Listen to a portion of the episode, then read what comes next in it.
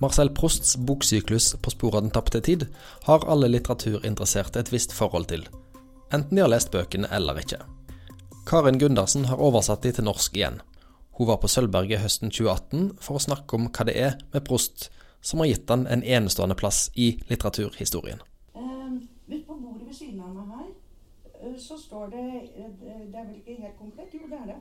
Uh, den gamle utgaven og den nye av den norske oversettelsen. Den gamle er da den røde.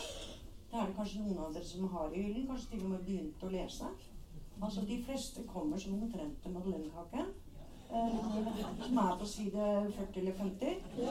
Og, men det er da det begynner. Da må man ikke gi opp, for etter det blir det moro. Men, men eh, prost er, det er som å gå opp på et fjell. altså Den første kneika, den må man bare holde ut. Og så får man det eh, stor premie etterpå. Eh, med utsikt. Og, eh, og, det er altså når man da har kommet seg gjennom da til slutt alle de 3500 sidene, eh, så kan man begynne på nytt. Og da blir det interessant å lese de første, første 40 sidene. Dette er et lesetips, da. Eh, jeg skal altså da si etter hvert litt om forskjellen på den nye og den gamle, og hvorfor dere må lese den nye. Eh, ja. Jeg skal si litt om Prostli, eh, som jeg er blitt bedt om da, av arrangørene her. Og så skal jeg si så mye som jeg rekker om hva som er poenget med Prost. Hvorfor er han så stor? Og til slutt skal jeg snakke om forholdet mellom de to utgavene.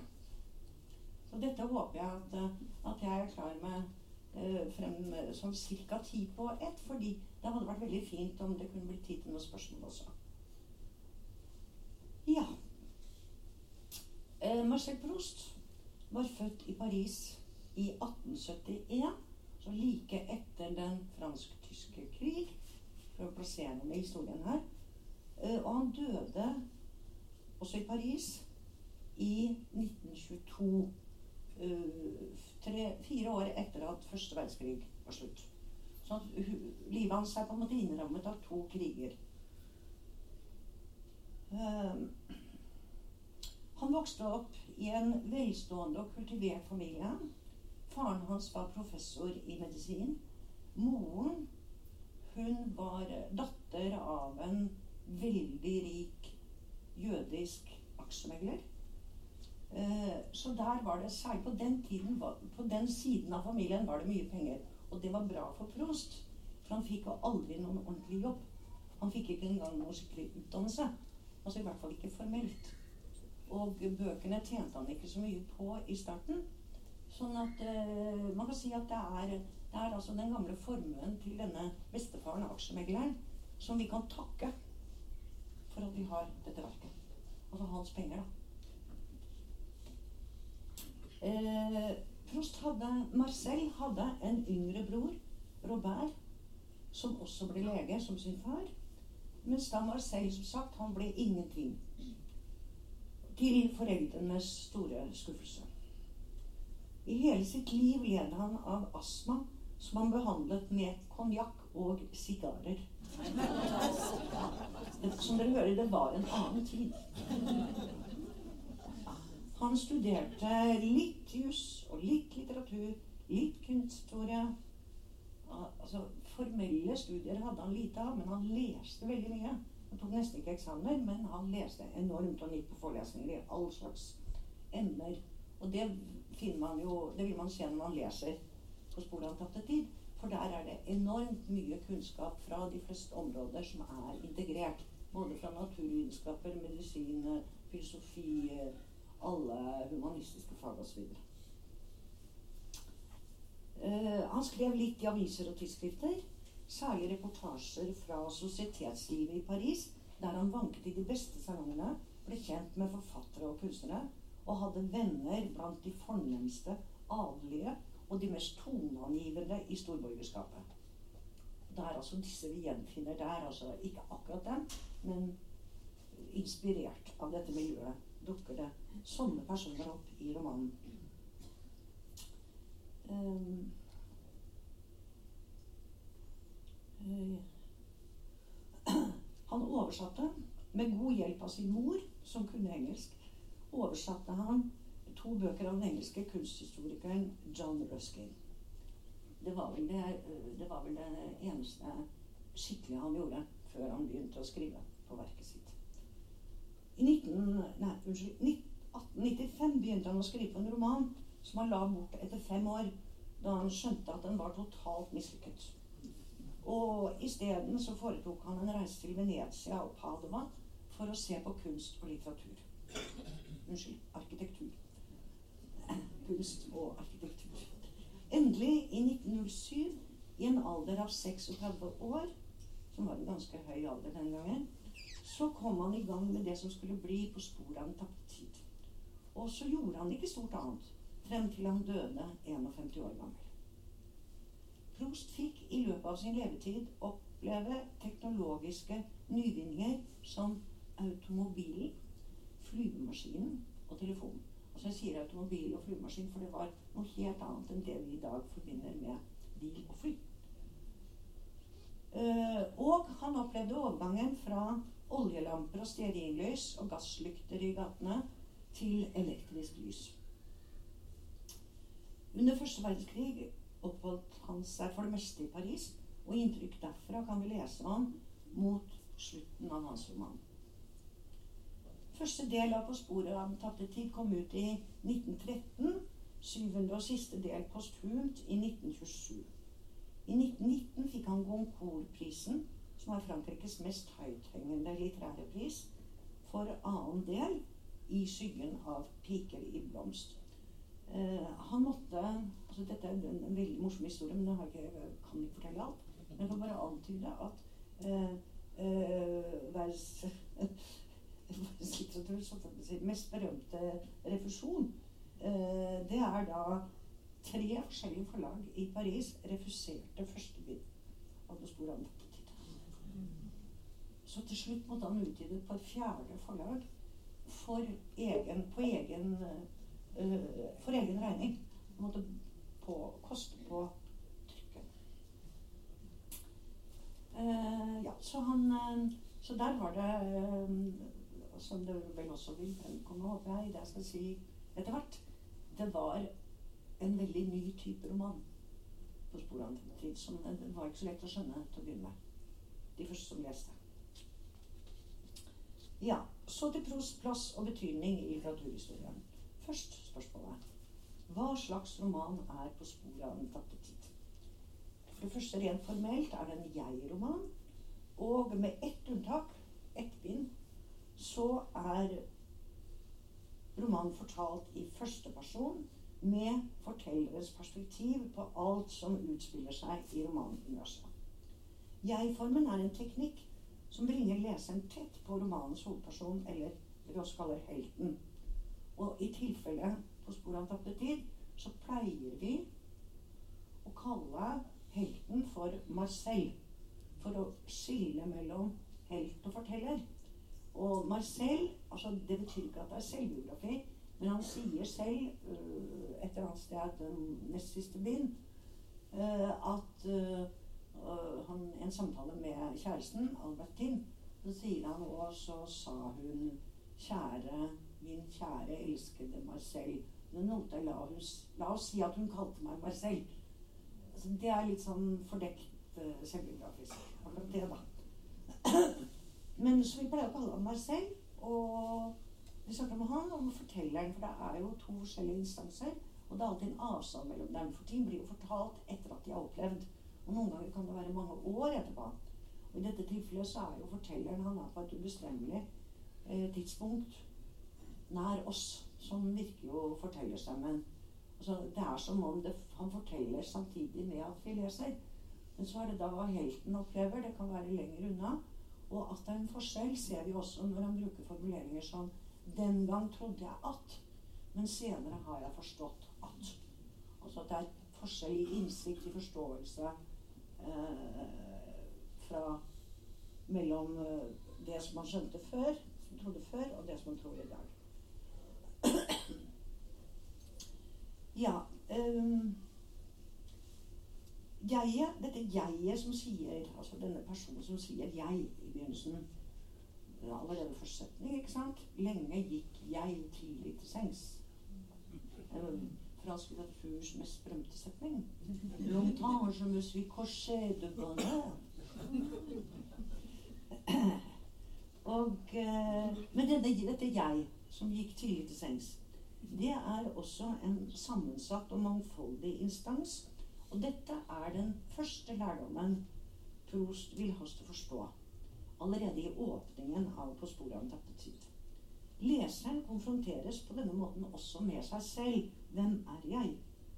Dette blir stadig mer bearbeidet og problematisert i romanene som kommer etter Prost. Han står midt mellom 1800-tallets realistiske roman Tenk på Balzac, Flaubert og de store engelske romanforfatterne på 1800-tallet. Midt mellom realismen og den modernistiske romanen, der vi finner Joyce, Virginia Woolf, Claude Simon, Marguerite Duras, for å nevne noen. På en måte skuer Proust i begge retninger, bakover mot 1800-tallet og fremover helt til vår tid som et janusansikt, i likhet med sitt store forbilde Dante. Ikke noe mindre. I tråd med de realistiske romanforfatterne beskriver Prost det franske samfunnet i sin samtid med referanse til viktige historiske begivenheter. Samtidig problematiserer han selve skriveprosessen. Hvem er det jeg som skriver? Hva beskrives? Hvordan er det overhodet mulig å gjengi virkeligheten? Og hvilken virkelighet? Dette er spørsmål som modernistiske forfattere helt frem til i dag prøver å utforske. Og mange av dem har erkjent sin gjeld til Prost, som var først. At det å skrive er å utforske, ligger også i tittelen på Prosts verk, som på fransk er 'À la recherche du temps perdu'. Recherche betyr søken eller søking, å lete etter noe og det betyr forskning, utforskning. Altså lete etter og utforske den tapte tid, eller fortiden. Som med andre ord ikke er noe man bare kan hente frem eller gå tilbake til. Dette kommer ikke så godt frem i den norske tittelen, som mest konnoterer en kriminalroman på sporet av forbryteren. Men tittelen skal også klinge godt. Så selv om jeg, da jeg skulle revidere dette, var inne på tanken om å prøve å forandre på den tittelen, det ville vært fryktelig dristig da. Men så, så det var bra jeg ikke fant noe, egentlig. Det var, det var, det var, eh, det var dristig nok å forandre på første setning. Jeg vet ikke om noen av dere, Hvis jeg har den gamle og husker at der sto det lenge 'pleide jeg å gå til sex'. Men det er jo ikke det det står, da. Det står, det står ingenting om vane. Det står bare 'en avsluttet aktivitet i fortid'. Lenge gikk jeg. Den nye engelsken har gjort akkurat det samme. Den gamle engelske, der stod der sto det For a long time I used to go to bed early. Men den nye har For a long time I went to bed early. Så det er nok det som er rett. uh, ja. Men som sagt, det tittelen fikk jeg ikke gjort noe med, for jeg fant ikke på noe bedre. Rett og slett. Uh, på sporet av den tapte tid er en fiksjon. En roman. Lenge ble den oppfattet som en slags selvbiografi en blanding av nostalgiske memoarer og selvbekjennelse. Dette på tross av at Proust selv insisterte på at det er romansjangeren den avviker minst fra. Det er hans egen formulering. Det er romansjangeren den avviker minst fra. Noe som også antyder at han er bevisst på å forandre romanen som sjanger. På sporet av den tapte tid er en ambisiøs roman.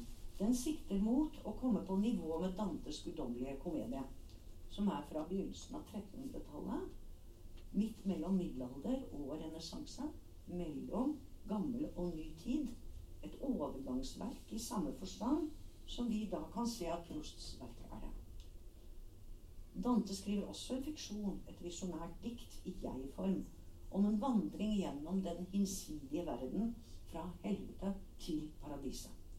Og selv om Proust så absolutt skriver om vår verden, den dennesidige verden, den verdslige verden, om alle de tragiske, komiske, heltemodige, ynkelige, rørende sidene av vår vandring gjennom livets jammerdal, så er slett ikke visjonene, drømmene og de usynlige kreftene som styrer oss, fraværende fra Prousts roman. Og Proust kom til å hevde seg godt i konkurransen med Dante. I Frankrike er På sporet av den tapte tid blitt det litterære nasjonalmonumentet fremfor noe.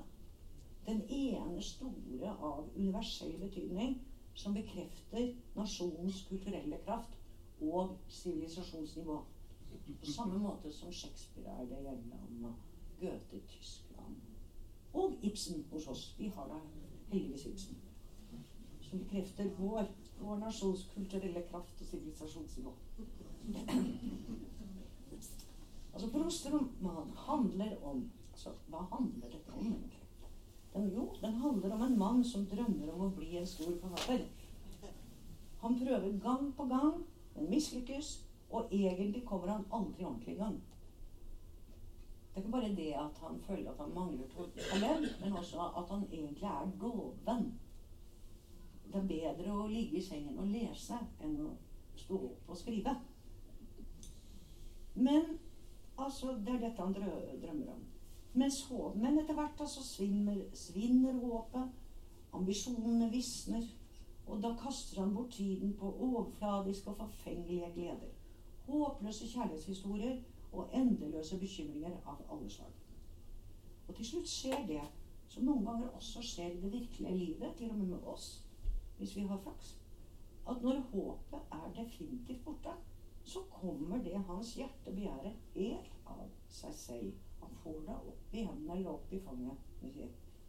På slutten av romanens siste del får han den ene åpenbaringen etter den andre som gir ham nøkkelen til kunstens gåte. Denne historien ligner mye på Prosts egen, bortsett fra at den er tydeligere konstruert. Proust sammenlignet sitt verk med en katedral.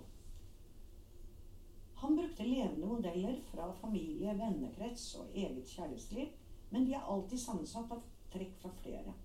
Samtidig fremstår de som individualiserte og livaktige, i likhet med virkelige mennesker. Ja, altså, dette er ikke bare noe, dette er ikke bare en, eh, noe jeg sier. Altså, Når jeg tenker på hertuginnen og Germant, så kunne hun like gjerne bo i nabohuset. Så godt kjenner jeg henne. Så bedre enn naboen, faktisk. Eh, miljøene som eh, romanens forteller vanker er gjenkjennbare fra dem Prost frekventerte. Her finner vi mange historisk korrekte og interessante beskrivelser og perspektiver, helt i tråd med realismens estetikk. Dette er altså både en realistisk roman og en roman om en roman. Om romanen som kunstverk. Prosts tekst er dessuten full av referanser og allusjoner til annen litteratur og til musikk, billedkunst, arkitektur, teater, dans, opera og lyrikk.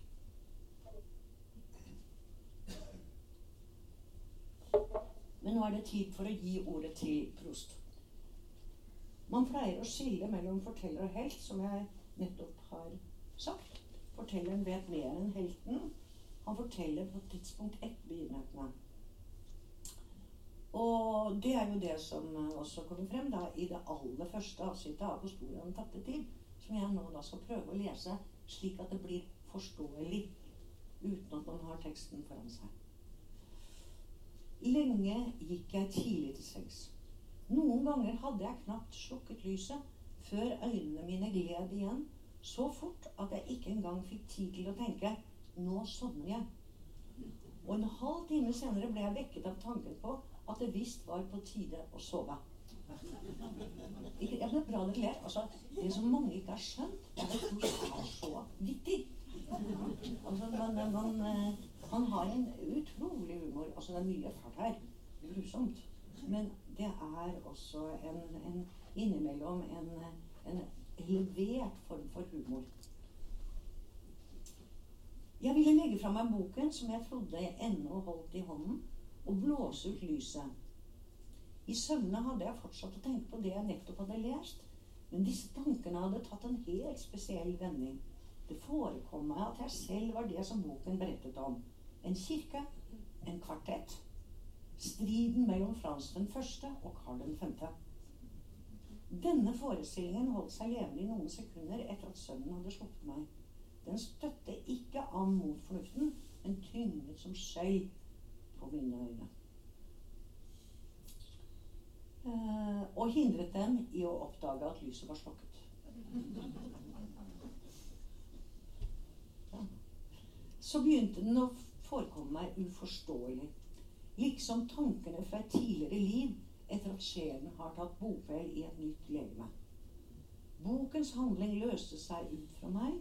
Jeg kunne igjen bestemme om jeg ville innfanges av den. Unnskyld. Om jeg ville innfanges av den. Um, eller ikke. Straks fikk jeg synet tilbake, og til min forbauselse oppdaget jeg at jeg var omgitt av mørke. Et mørke som var mykt og behagelig for øynene, og kanskje enda mer for tanken. For hvilket, hvilken det fremsto som en ting uten årsak, uforklarlig, som noe i egentlig forstand dunkelt. Altså, alle er ikke like oppmerksomme som Prost. Men altså, hvis dere prøver å se på det en gang når dere holder på å våkne altså Hvor mange merkelige ideer og forestillinger som flyr gjennom hodet på veldig kort tid. da. Så, så, her må man være på alerten, sånn som Prost er. Og det er stort sett så har vi så travelt med å stå opp at vi ikke legger merke til hva som skjer. Det er egentlig veldig dumt, da. Jeg studerte på hvor mange klokken var. Jeg kunne høre togenes fløyting. Snart fjernt, snart nærmere, anga den avstanden på samme måte som sangen fra en fugl i skogen, og tegnet opp for meg landskapets vidstrakte ensomhet. Der en reisende haster av sted mot neste stoppested. Og det smale spor han følger, vil komme til å prege seg inn i hans erindring gjennom den opprømthet som skyldes nye steder, uvante bevegelser, samtalen han nettopp har hatt, og avskjeden under den fremmede lampen som fremdeles følger ham i nattestillheten like til hjemkomstens snarlige glede. Altså først sengen, søvnen, lesningen. Altså det mest intime rommet som tenkes kan. Jeg i et sammenfall med bokens innhold. Og det er altså kirke, arkitektur, øh, kvartett, musikk. striden strid mellom Frans den første og Karl 5. Historie, og særlig fransk historie. Det, og dette er tre av hovedtemaene i romanen. Spillet mellom lys og mørke. Utvidelsen av rommet. Fra det mest intime til et åpent landskap formidlet gjennom lyd. Lyd i bevegelse. Togene som fløyter mens de går forbi. Uh, fuglene som synger mens de flyr forbi. Forflyttingen fra den sovende i sengen til en reisende på landeveien. Dette korte avsnittet fungerer som en ouvertyre der flere temaer anslås som senere skal rulles ut i all sin bredde. Fra et mikroskopisk utgangspunkt folder både tid og rom seg ut for oss. Altså, fra, altså med start i et mikroskopisk utgangspunkt, sengen, dynen, så foldes både tid og rom seg ut for oss. Dette er også en prøve på Prosts stil. Den både samler og utvider. Styres virtuost frem fra det indre til det ytre. Med jeget som orienterer seg mellom drøm og virkelighet, lys og mørke, i svevet mellom forskjellige identiteter. Og avsnittet er nøye konstruert frem til avslutningen. Fra det sies nøkternt, enkelt, uskyldig. Lenge gikk jeg tidlig til sengs og til dette uh, triumferende fallet til slutt, altså fall i, i positiv forstand, hjemkomstens snarlige glede. Altså tilbake til sengen. Dette er, uh, dette er, uh, det er sånne ting som gjør at det er litt, være litt kinkig å oversette prost. Fordi du kan ikke begynne å flytte på setninger. Altså Man må ta dem i, man må oversette i den rekkefølge de kommer. Selv om det er, imens kan være en stor utfordring for norsk syntaks, som er veldig forskjellig fra fransk. Ja. I På sporet av den tapte tid blir ikke tingene omtalt og beskrevet slik vi er vant til det fra tradisjonelle fortellinger. De er verken, tingene er verken rekvisitter eller realismemarkører. Aldri ren dekor eller tegn på tilhørighet. Som i en klassisk realistisk roman der et hus eller et rom vitner om sin beboer. Hos Prost blir tingene innfanget og holdt fast i sitt vesen. Lyset som blåses ut, vi ser det togenes fløyting, vi hører den. På samme måte som i stor billedkunst, der tingen som fremstilles, ikke er et bilde av den, men en gjenskapning, og altså en helt ny ting, som vi ikke har sett før. Så er også Pros ting skapt og formet av forfatterens følsomhet, intelligens, usedvanlige observasjonsevne, med andre ord hans blikk. Proust har et unikt blikk for detaljer. Når han beskriver, er det ikke tingene, men sansningen av dem og erindringen om sansningen som presenteres for oss. De viser seg for oss. Tenk på Monets asparges eller Monets vannliljer. Det er noe av den samme effekten. Uh, alt han beskriver, går inn i et nettverk av metaforer, sammenligninger, gjenspeilinger og som vi hadde denne sammenligningen mellom togenes fløyting og fuglenes sang. Begge, begge, deler lyder som går gjennom, beveger seg gjennom et øde landskap. Eh, ekkovirkninger på kryss og tvers i verket.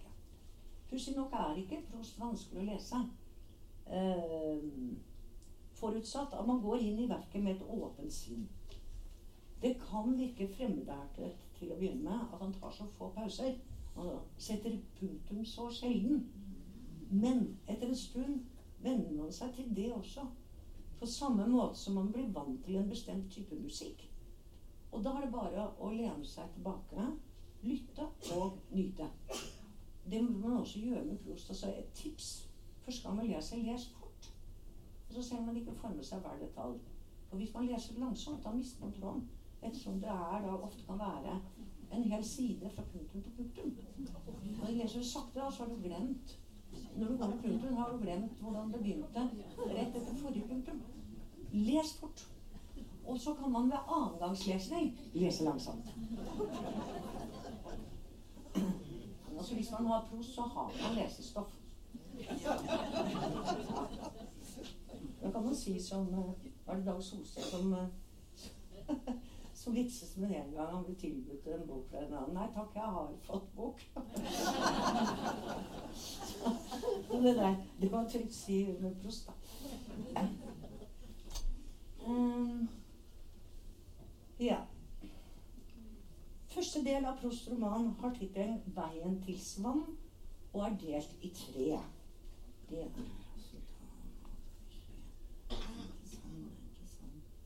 Nei, den må være utlånt i den nye utgaven. Men den er stor og tykk. Um, den er delt i tre. Combré, Svans kjærlighet og navnet. Combré innledes med en serie soveromsscener. Altså det er bare den første vi leste nå. Det er rommene hvor uh, helten sovner, drømmer og våkner. Og så lar han gjenoppleve forskjellige epoker av sitt liv. Etter dette følger 200 sider med barndomserindringer fra sommerferiene i den lille landsbyen Combré. Denne delen er igjen delt i to, der de smertefulle minnene kommer først. Nemlig det fortelleren kaller 'min leggetidsdrama'. Det er når han blir sendt i seng uten morens godnattkyss. Uh, fordi de har gjester som oftest naboens vann, og hun ikke kan gå fra bordet og opp på hans rom for å gi ham dette kysset. Den andre delen skildrer livet i Combré i alle sine fasetter som et resultat av det man kaller den ufrivillige erindringen. Som dere kanskje har hørt om. Til og med kanskje kjenner det godt. Til forskjell fra den frivillige, som vi kan påkalle når som helst, men som gir oss frittstående minner der konteksten er redusert til et minimum, er den ufri, ufrivillige erindringen, som navnet sier, noe som kommer over oss uavhengig av viljen. Den må formidles. Man kan ikke gå rett på den. Den må formidles av en sanseopplevelse som ligner på noe man har opplevd tidligere i livet. Og her i begynnelsen er det at den berømte madeleinekaken kommer inn. Så moren serverer den aldrende fortelleren en trist og grå vinterdag i Paris. Denne kaken, som dyppet i lindete, fyller ham med en uendelig glede. Gjennom en psykisk kraftanstrengelse greier han å gjenkjenne smaken av den lille biten madeleinekake i te. Madeleinekake dyppet i te, lindete, som hans tante Leonie pleide å gi ham søndag formiddag i Combré før han gikk til messe sammen med sine foreldre. Her må jeg bare innskyte. Er det noen som har smakt madeleinekaker? Jeg smaker ingenting. Ja, ja. Altså, det er, det er noe av det eh, Hva skal jeg sammenligne med? Altså det, det, det, det, er laget av litt egg og mel og, og, smør. Og kanskje litt sitronsmak. Og eh, ja, formet som, eh, som kamskjell omtrent. Det er, eh, altså det er nesten ingen smak. Lindete, som kanskje også noen har drukket, det er jo ikke akkurat noe smaksbombe, det heller. Og, og, og det, er, det er jo så interessant her at han bruker noe sånne smakløse ting for å vise hvordan det gjennom smaken kommer minnet tilbake. Altså, Det skal så lite til hvis det er de rette tingene. Det er jeg. Så han øh, smaker, da. Smulene. Smuler. Og dermed dukker minnet opp. Ikke bare huset der tante Leonie hadde sitt værelse, men, og jeg siterer Med huset kom også byen fra morgen til kveld, i all slags vær. Torget dit man sendte meg før lunsj. Gatene der jeg løp og lekte. Veiene man spaserte på hvis været var pent. Og like som i den japanske leken når man fyller vann i en porselensbolle for å senke ned små papirbiter som inntil da har vært uten form og kjennetegn, og som, så snart de er kommet under vann, folder seg ut for omriss og farger, blir til presise og gjenkjennelige blomster, hus og mennesker. Slik var det nå med min fortid. Alle blomstene i vår hage, og blomstene i parken til Monsieur Svann. Vannliljene i vivannet, de brave menneskene i landsbyen og deres små hus. Kirken, hele Combray med omegn, by og hager Alt dette som får form og fasthet, steg opp av min tekopp. Legg merke til de små papirbitene som folder seg ut i vann og blir en metafor på kakebitene som dyppes i te. Det er et eksempel på Prosts usedvanlige evne til å se likhet mellom ting som i utgangspunktet ligger langt fra hverandre. Altså Han ser altså, mellom mellom disse japanske papirbitene og uh, madelensmulene. Og det resultatet av at de fuktes, så er det altså både en formell og en strukturell likhet der kjeden av årsak og virkning er parallelle.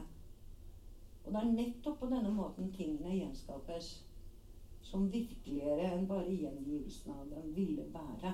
Altså de blir virkeligere når de gjenskapes slik. Alt Altså virkeligere vil si alt dette, og det står i teksten nettopp leste opp, alt dette som får form og fasthet. Og hva er det som får, har form og fasthet? Jo, det er kunst. Det er selve kjennetegnet på kunst. Nå har jeg en følelse av at det har gått 30 minutter. Kan det stemme? Hva? 35. 35, ja. Ja, det var også verst, da. Ja. Jeg tror jeg begynte fem år. Så det har vært 30. Ja.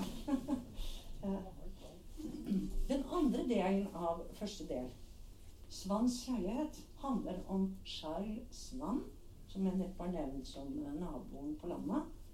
Han er altså en venn av foreldre, fortellerens foreldre. Og hans forelskelse i Odette, en kvinne av tvilsom kaliber, en kokotte som lar seg underholde av menn Det som man før i tiden med et veldig fint ord, syns jeg, da, men som ingen skjønner det med lenger, hun var Hold-dame. Hun hørte på Hold-dame. Hun var Hold-dame, altså hun ble underholdt. Og hun er da notorisk løgnaktig og bedrar ham systematisk. Og da er det sånn, som det noen ganger er, at uh, når han er trygg, så syns han hun er dum og kjedelig. Hvilket hun jo helt objektivt er. Men når han frykter for å miste henne, blir hun uunnværlig. Nå, For å gjøre en lang historie kort. De får en datter, Gilbert, som i tredje del av første del blir Marcels lekekamerat på Champs-Élysées øh, i Paris og hans første kjærlighet. Samtidig fungerer historien om Svann og Odette som et forvarsel om fortellerens kjærlighetshistorie med Albertine, som i store trekk fremstår som en gjentagelse av Svanns historie, bare enda mer dramatisk og hjerteskjærende. Det er nemlig slik at hvis meningen med livet er å bli lykkelig sammen med den man elsker, så er denne formen for lykke helt fraværende hos Prost. Hos ham er kjærligheten en illusjon og en fiksjon i hodet på den som elsker. Det finnes ikke gjensidig kjærlighet, bare sex, penger og sjalusi. Hos Prost er det bare sjalusien som er igjen av kjærligheten. Bare den er virkelig. Og sjalusi er smerte, angst og permanent paranoia. Sjalusien er like virkelig og vedvarende som kjærligheten er flyktig og bedragersk. Den kommer før kjærligheten og utløser følelsen av å elske. Så du blir sjalu, da må du ha noen andre. Og dette fremstår som mange forskjellige bilder. Som kjærlighetsobjekt forsvinner hun inn i et ugjennomtrengelig mørke. Verken Svann eller leseren får noensinne vite om hun elsker, og hvem hun elsker. Og dette, som bilde i Svanns hode, understrekes av at han på sitt skrivebord har en kopi av Botticellis Sippora. Altså Jetros datter og Mose-hustru. Eh, han har et bilde av henne som på malt, fordi Odette ligner på henne. Altså egentlig han elsker et kunstverk. Denne historien har en lukket struktur og ender med at Svann kureres for sin galskap, dvs. Si kjærligheten, og at han gifter seg med Odette likevel, og de har et hyggelig fornuftsekteskap med sin datter. Det tragiske Altså, denne historien har tragiske islett, men den er ikke uten komikk. Og her må jeg Her står det i jeg har allerede sagt det. Jeg må poengtere at Proust også kan være fryktelig morsom. F.eks. skjer det med Sand at han, det mest dannede mennesket som tenkes kan, faller så dypt at han gir seg til å spionere på og dette utenfor hennes hus om natten. Han tror hun har en annen mann på besøk. Hvilket også skal vise seg å være tilfellet. For å slippe å innse sin ynkelige posisjon sammenligner han seg med en kunsthistoriker eller en filolog på jakt etter sannheten om et bilde eller et dokument. Men som kryper rundt der i bakbusken. Dette er jo urkomisk og munner ut et farseopptrinn. Han banker på det han tror er hennes vindu, og frem i lyset kommer to herrer med en lampe. To halvdeles saksløse eh, herrer som blir forstyrret i sin trellepasient. Så han har banket på vinduet ved siden av. Og da blir han så flau at han stikker igjen. Så han får, finner aldri ut om hun har en elsker på besøk. Men det viser seg etterpå at det hadde hun da. Ja. Som sagt har kjærlighetshistorien om Svann og Odette en slags døperen Johannes-funksjon. Og fungerer som et forvarsel om den andre store kjærlighetshistorien i På sporet av tid, Nemlig historien om Albertine og Marcel. Den strekker seg over fem av verkets syv deler. Riktignok slik at det også foregår andre ting her. Men alvertintråden er den sterkeste og mest intense. Fortellerens kjærlighet til Albertin varer til hun dør i begynnelsen av sjette del. Men sjalusien fortsetter i lang tid etter dette. I de Ja, ja, men det er komisk. Altså, det er fryktelig Det er, er til å gråte av når man leser det. Det er jo så fælt. Men det er også komisk. Det er, det er mesterlig konstruert. Fortellerens kjærlighet til Albertin varer til hun dør i uh, Ja, det sa vel av men sannsynligvis fortsetter lang tid etter det. I de vakreste kjærlighetshistoriene overlever kjærligheten døden. Tristan og Isolde, Bendik og Olivia. Men her er det sjalusien som overlever døden. Det både beskrives og oppleves som patologisk og får de mest groteske utslag.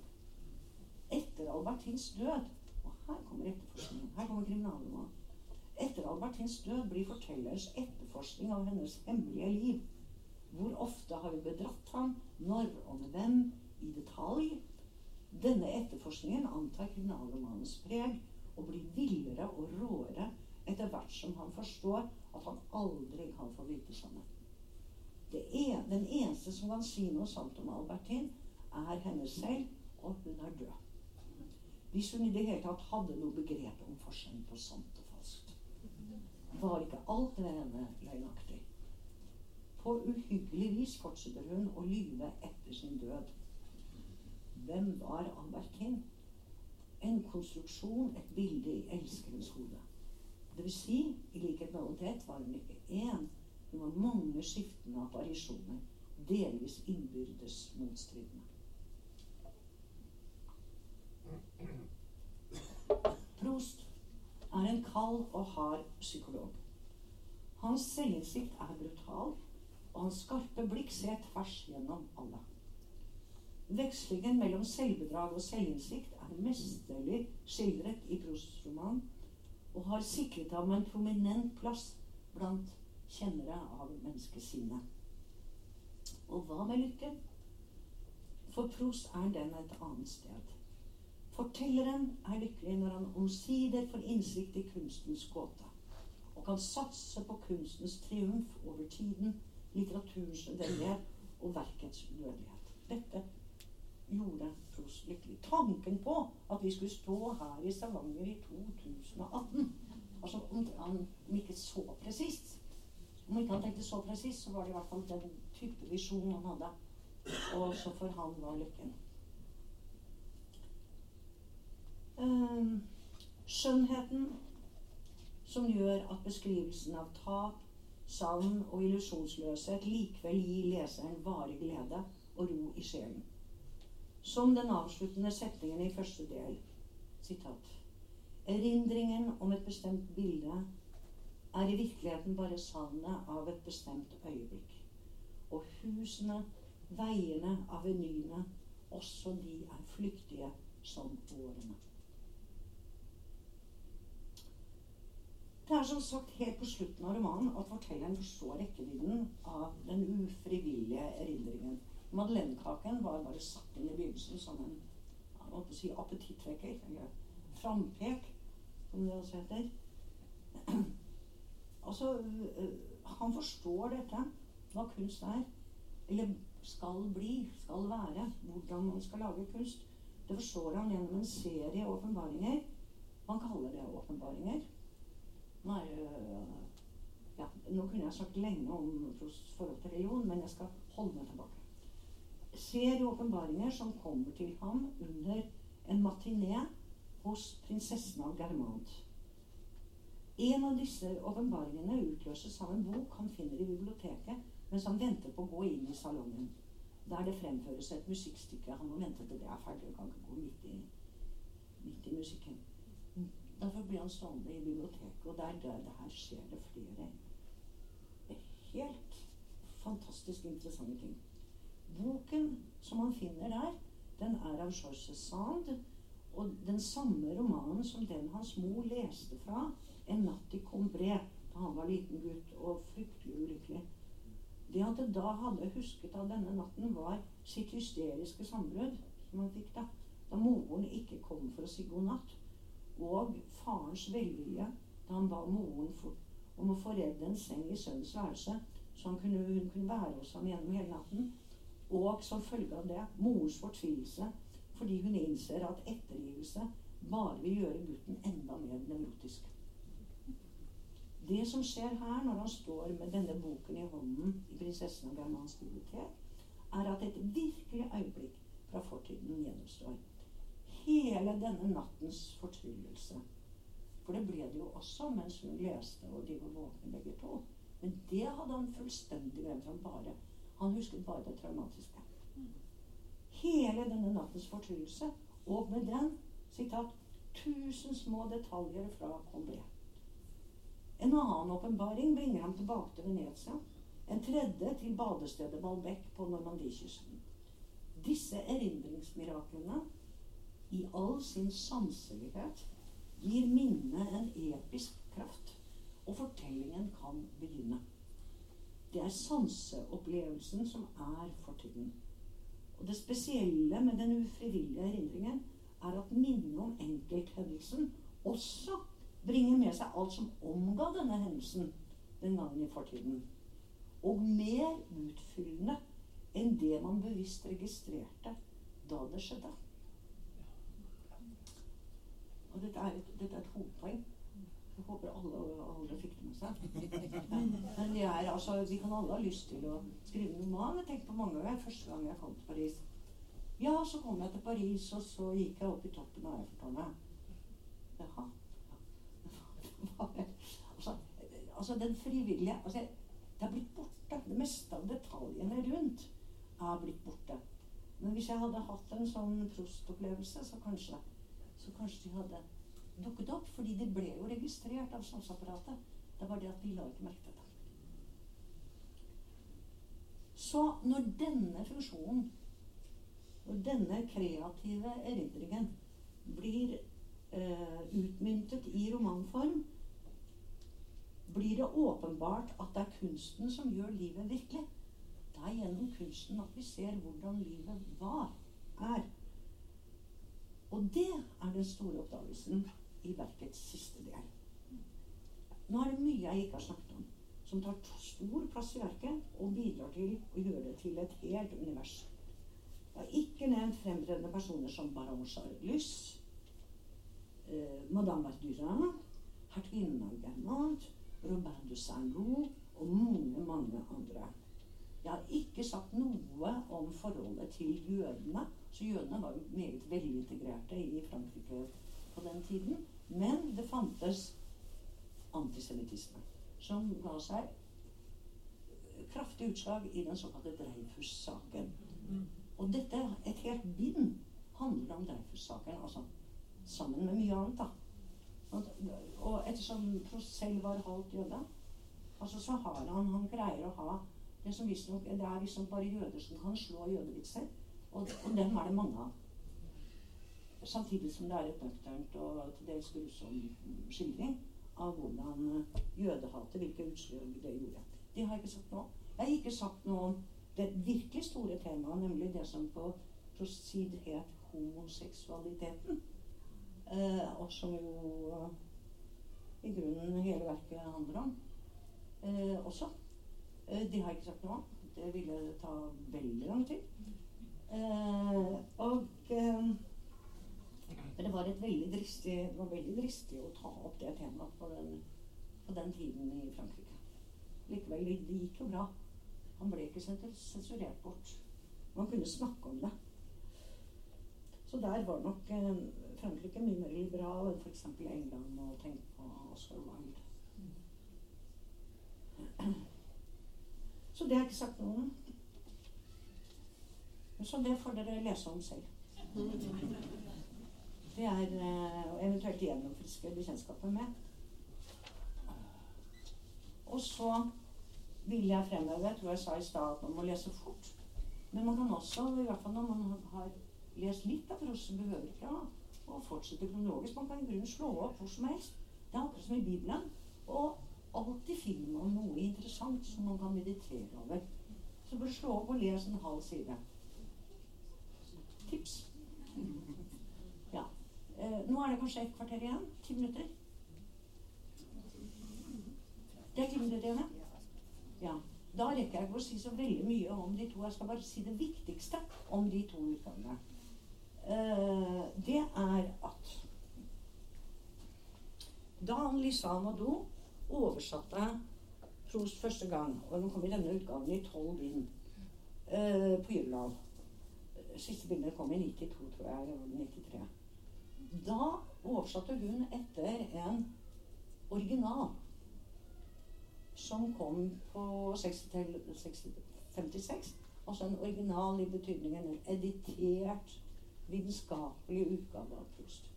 Og når det er så mye viktig å ha en editert utgave av Prost, så er det jo fordi de tre siste bindene kom etter hans død, og fordi de første også var veldig dårlig korrekturlest, fulle av feil. Så det, så det har sittet lærde prostforskere i 50-60 år der nede i Paris på statens bekostning og prøvd å finne ut hva som er ekte original av dette. Uh, og man trodde det var da det man hadde funnet frem til på 50-tallet. Men så viste det seg, og den oversatte Annelise etter Men så viste det seg også gjennom uh, arveoppgjør og donasjoner så dukket det opp en masse nye manuskripter og korrekturer som da forskerne fant ut lå nærmere Prost, Prosts siste vilje enn den forrige utgaven trodde hadde tilgang til. Og dermed måtte det lages en helt ny vitenskapelig utgave. Altså fire tykke bind med bibelpapir. 2500 sider hver, masse referanser og Ja. Som kom i 89. Og da var jo Alissa nesten ferdig, så hun kunne jo ikke forholde seg til den. Men nå er det jo umulig å gjøre noe annet. Så da, da, jeg avtalt med Gyldendal å revidere Anne-Elisas, eh, som jeg kjente godt, hun var både en kollega og en venn, eh, eh, oversettelse, så var det dobbelt siktemål. Det ene var å, å fornorske. Eh, oppdatere, modernisere hennes riksmål. Hun var født i 1830. Og hun skrev et riksmål fra 50-tallet. Og det begynner å bli veldig gammelmodig. Og det passer ikke på Prost, som er så moderne. Altså, han må få si 'ennå', ikke 'ennu'. Og kropp, ikke legeme. Uh, så det var det ene. Det var det språklige. Og så er det alltid noe feil. Det er i alle oversettelser, tror jeg er i mine også, men det er heldigvis ingen som har lest den så grundig ennå. altså mot original. Som jeg nå har gjort med denne. Jeg har lest mot original. Linje for linje. Og det er det ingen som har gjort før. Så da fant jeg selvfølgelig også en del feil og unøyaktigheter setninger som på en måte ikke var hode og halvfag. Fort gjort det når det er så langt mellom punktum og punktum. Men så var det da alle, når det gjelder de tre siste delene så Alt det nye man hadde funnet, gjorde at det ble masse omstavringer der. Og nye ting kom til, og noe ble strøket. Så der måtte jeg da også innimellom oversette uh, et avsnitt eller to. Og blant annet så kuttet mellom sjette og syvende del er nå et annet sted enn det var i den forrige. Sånn at uh, nå, skal det, nå, skal det, ikke være meningsløse setninger der. I den nye. Håper jeg, da. Men det er en annen ting som er forskjell, da, fordi at uh, en, en, vesentlig forskjell er at uh, 50, helt frem til 50-tallet så oppfattet man Prosts verk som en slags som en memoarverk. En selvbiografi. Og i tråd med dette så laget da Gyldendal en utgave i tolv bind med portretter av Prost på forsiden. Sånn som dette. Fra han var en gutt, da, og til han ble ungdom, voksen, moden mann, aldrende mann. Og det aller siste bindet var det en tegning av Prosts dødsmaske, altså Prost på dødsleiet. Og det er jo klart at det konnoterer helt åpenbart at dette handler om Prost. Men etter at man da nå Forskerne er blitt enige takk og lov rundt omkring i verden for lengst at dette er en roman. Så fikk da den siste utgaven, som nå er i syv bind, eh, fikk da et nøytralt art nouveau. Altså kunst som er henspilt på kunst fra prosts egen samtid. Art nouveau-design. Eh, og så er det blitt syv bind, altså ett bind for, hvert, eh, for hver del. Det er mye enklere å finne riktig del da i bokhyllen. Altså På den gamle måten man Hvor var så dum og Gomorra egentlig? Det begynner døden, altså.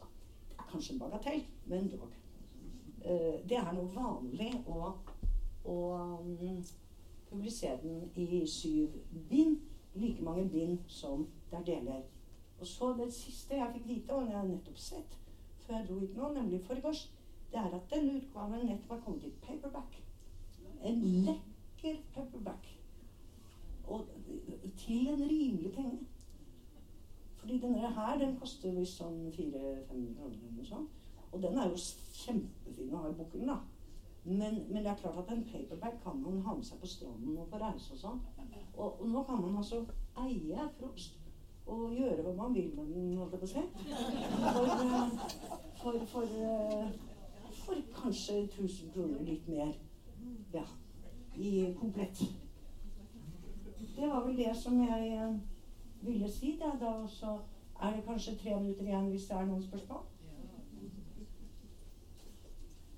ja Et lite spørsmål. Jeg har hørt Det var en, en kjempemorsom presentasjon. Ja, virkelig veldig bra. Men en ting jeg har hørt jeg har hørt uh, rykter om at Prost på de siste, uh, den siste tiden av sitt liv lå hjemme i sengen fra morgen til kveld og i et polstret rom, så han ikke skulle bli forstyrret av noe biler og ikke noe lyder og sånt.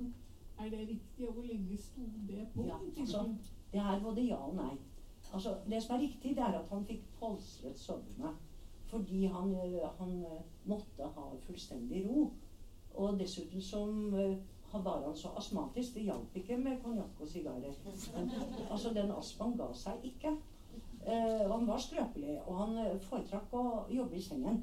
Han satt da med store puter bak seg satt han i sengen og arbeidet. Det er ikke riktig at han aldri gikk ut. Det var rett som det er at han troppet opp på Ritz eller andre fasjonable steder i Paris og møtte vennene sine og kjøpte champagne til alle. Altså Han drakk ikke så mye selv, men han kjøpte til alle. Så grunnen til at han døde, det var jo at han måtte absolutt i operaen en kveld for å se noe som uh, Det husker ikke hvilket stykke det var. Jeg, men han ville til operaen for å høre levende musikk og se dans eller hva det var.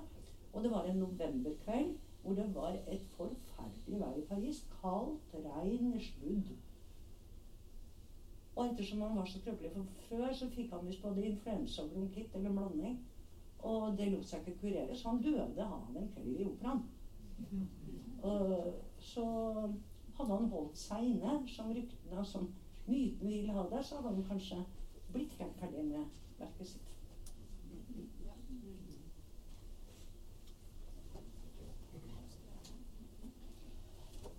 ja, hva var hans forhold til religion? Ja, det skal jeg svare på. Han, var, eh, han engasjerte seg veldig i en ting som han glemte å nevne, altså i historisk kontekst. Skillet mellom kirke og stat i Frankrike. Altså Først ble det jo skilt under revolusjonen, ikke sant? men så gjeninnførte jo Napoleon den første den franske statskirken, l'Église de France, eh, i sin tid. Men det definitive skillet, det var i 1904, tror jeg, eller 1905, altså rundt der. Og det var Prost veldig imot. Nei, han var nok ikke troende. Altså Han var oppdratt i den katolske tro. Eh, selv om moren var jøde. Men altså faren var jo katolikk, og det var jo dominerende religion. Og han skriver jo mye om katolsk praksis, i, særlig i første bind. Eh, men uh, så Visstnok så trodde han ikke så veldig på Gud. Men han hadde da hans religion den, men han forsvarte Kirken fordi den var en kulturbærer. Altså at Frankrike uten kirker var, kirken var utenkelig, mente han. Så helt fra eh, langt tilbake i middelalderen og nesten i antikken. Så fra, franske kirken er, som franskmennene sier, det er kirkens eldste datter. Altså det var den første nasjonalkirken etter, etter Roma. Så det syntes han ville være fryktelig synd, både pga. tradisjonene, pga. kunstverkene, altså kirkearkitektur, katedraler, umistelige kunstverk. Også interiører og, og sånn. Men nei, hans religion den ble nok mer og mer kunsten. Og sånn at det er eh, de åpenbaringene, da, som ellers skulle tyde på frelse i bokstavelig forstand, det blir da en bekreftelse på at han er på vei Han er tatt. inn i kunstens himmel. Det blir kunsten blir, blir religion. Ja, og, og spørsmålet det går egentlig til deg som oversetter. Først takk for et veldig eh, interessant og kjent og alvorprega foredrag. Det var veldig, veldig artig å høre på uten å kjenne Prost veldig godt. Men jeg vil spørre, hvor lang tid tok det å oversette når du gikk så grundig til verks som du gjorde? Det var Gyldendals penger og ikke statens penger. Det, det var Gyldendals penger.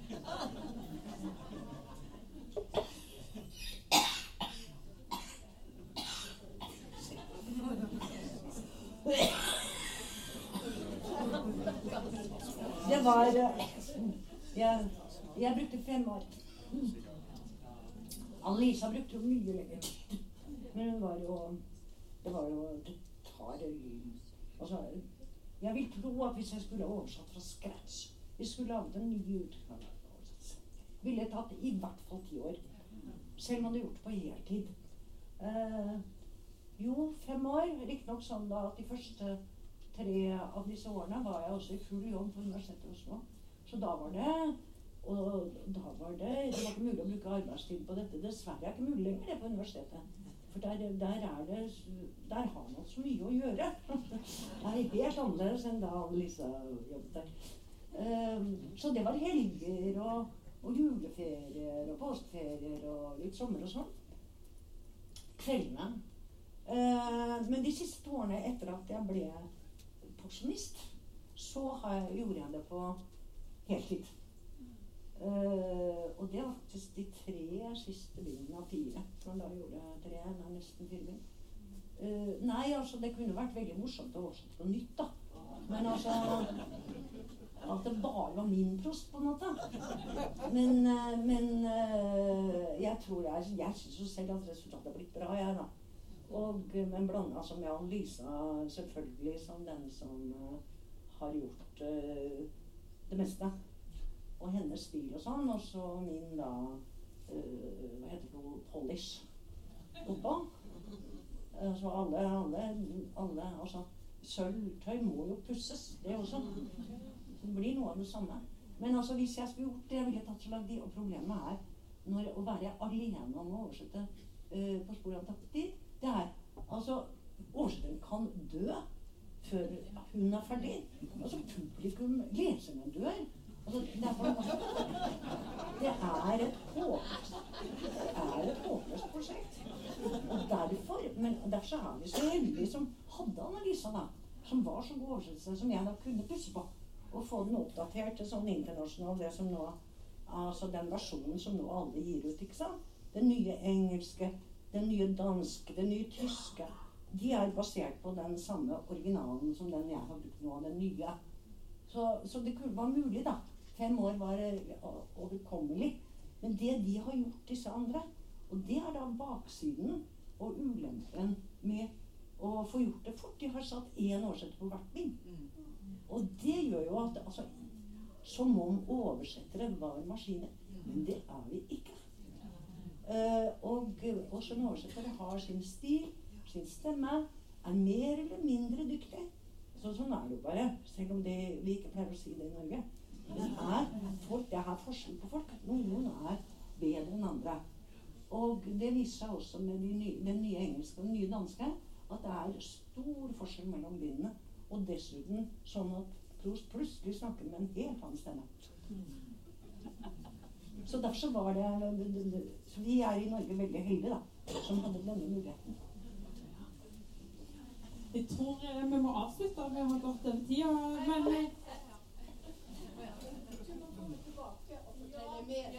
ja.